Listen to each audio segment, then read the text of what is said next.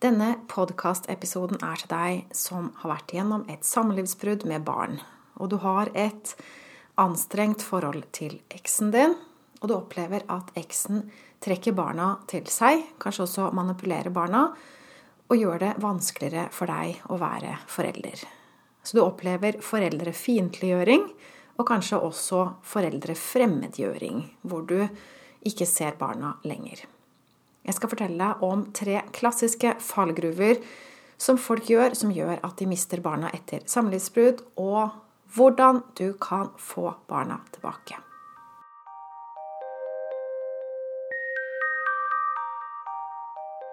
Jeg heter Line Strandvik og jobber online som personlig veileder. Så det var en lengre introduksjon til hva foreldrefremmedgjøring handler om. Så hva er de tre fallgruvene du skal unngå? Det jeg ser veldig mange gjør, er nummer én de prøver å forandre på eksen. Først så prøver de å snakke direkte med eksen, og når ikke det nytter, så prøver de å få hjelp fra andre.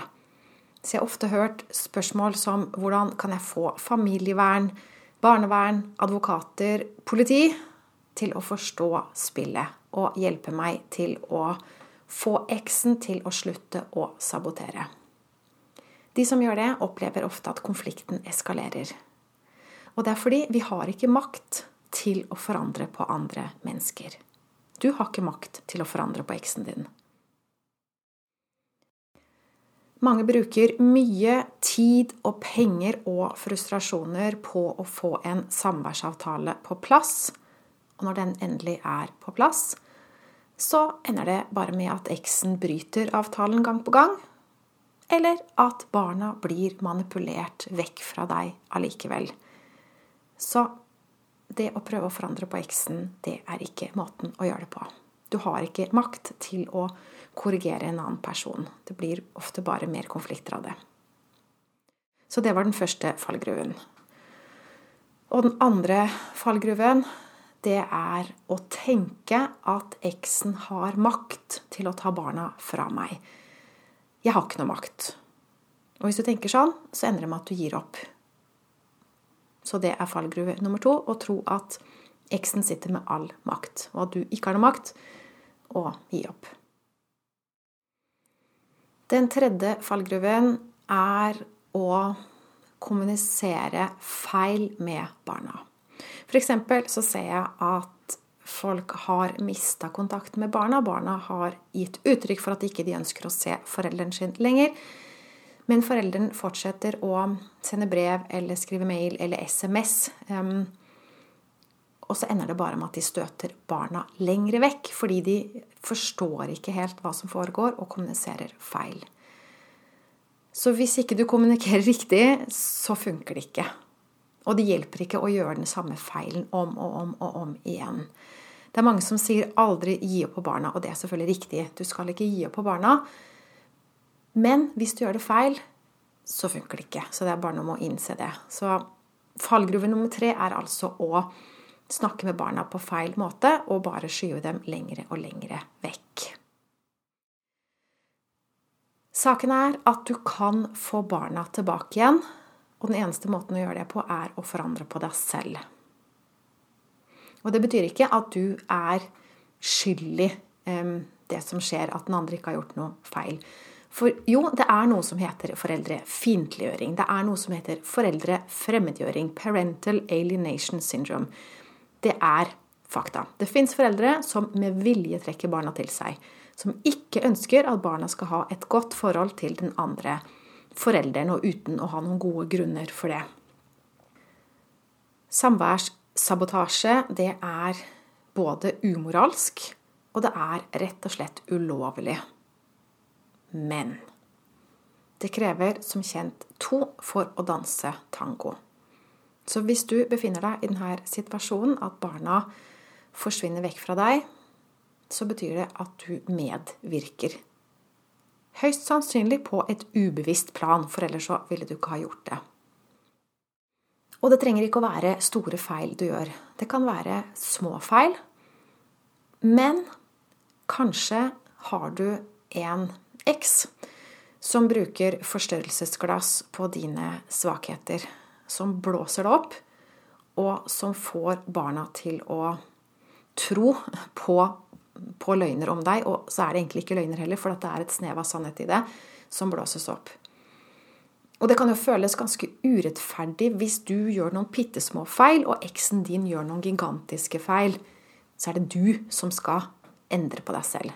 Det kan føles veldig urettferdig. Men allikevel, eh, ikke desto mindre, så er det det å fjerne dine svakheter som er det eneste som virker. Så det er mange som tenker sånn Hvorfor skal jeg oppsøke hjelp når det er eksen min som er hovedproblemet? Og svaret her er at det er du som skal oppsøke hjelp fordi du er den eneste som er i stand til å gjøre noe med det. Hvis eksen din er fastlåst i et mønster, kanskje i en personlighetsforstyrrelse, så er det ingen som kan gjøre noe med det. Og i hvert fall ikke du. Den eneste personen du kan forandre på, det er deg. Så la oss se litt på hva presist mener jeg når jeg sier at det er dine svakheter, dine små feil, som kan gjøre at du mister barna. Selvfølgelig opplagt. Hvis ikke du respekterer barna dine, hvis ikke du bryr deg om dem, hvis du bruker dem til egne formål uten å egentlig være glad i dem, så vil du med tiden skyve barna fra deg. Eller hvis du baksnakker og svartmaler eksen din og lesser dine problemer over på barna, innvier barna i dine personlige konflikter med eksen din, da kan du også risikere at du skyver barna fra deg. For de kan oppleve at når du, um, når du snakker dårlig om eksen, så føler barna at de snakker dårlig om, om, seg selv, og så har de empati med den andre forelderen og vil gjerne beskytte den andre. Så du graver din egen grav på en måte ved å svartmale eksen din. Men det, kan, det er mange som gjør det, og som lykkes med um, å få barna til å ta parti med seg og skyve den andre vekk. Så det kan slå begge veier. Men de her feila er ikke typiske ting jeg jobber med. De jeg hjelper, de kommer til meg av helt andre grunner. Det er helt andre typer feil de har gjort. De er oppriktig glad i barna sine, de respekterer barna sine og er gode foreldre. Eh, og de snakker ikke dårlig om eksen sin heller, så det er ikke de her feila de gjør. Det de derimot gjør, er at de kan være Eller de er konfliktsky. De er litt forsiktige. Og de har latt eksen dominere både i forholdet og også etter samlivsbruddet. Så det er feilen de har gjort. De har kommet litt bak på hæla og latt eksten overta også barnas oppfatning av, av hvordan alt henger sammen. Det de også gjør feil, er at de tar det barna sier, bokstavelig.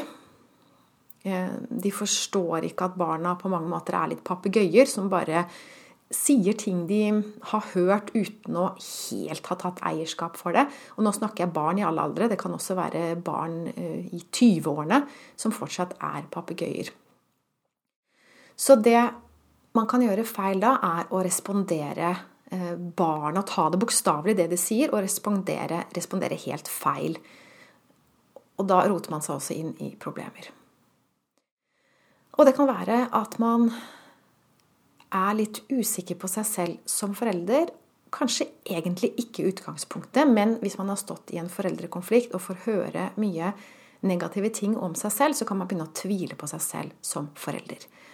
Og hvis du da trekker deg litt vekk fra barna, kanskje ubevisst, det er ikke sikkert du er klar over det engang, at du blir litt distansert, litt fjern, så vil barna oppfatte det som at du kanskje ikke er glad i dem, kanskje ikke bryr deg så mye om dem. De føler at du trekker deg vekk fra dem, og så ender det da med at barna trekker seg vekk fra deg.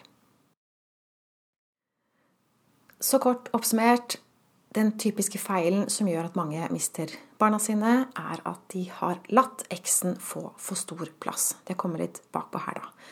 Og det her gjelder både kvinner og menn. Både fedre og mødre mister barna sine. Ikke bare mister sånn fysisk, men at de får et dårligere forhold til barna etter samlivsbrudd. fordi de har en eks som bedriver samværssabotasje, som manipulerer barna, som er årsaken til foreldrefremmedgjøring. Men husk det her.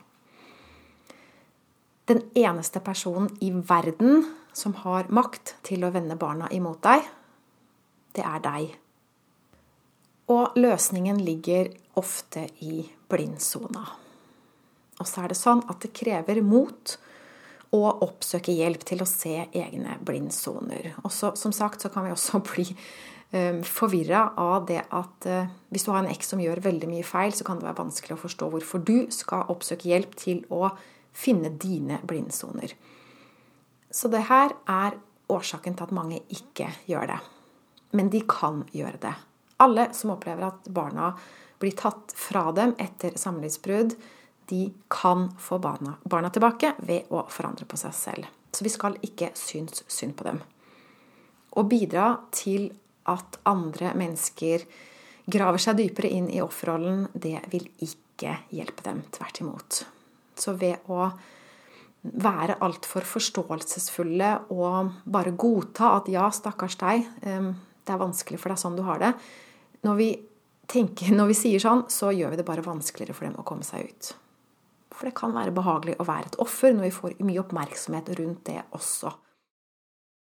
For å få barna tilbake så må du våge å se etter egne feil.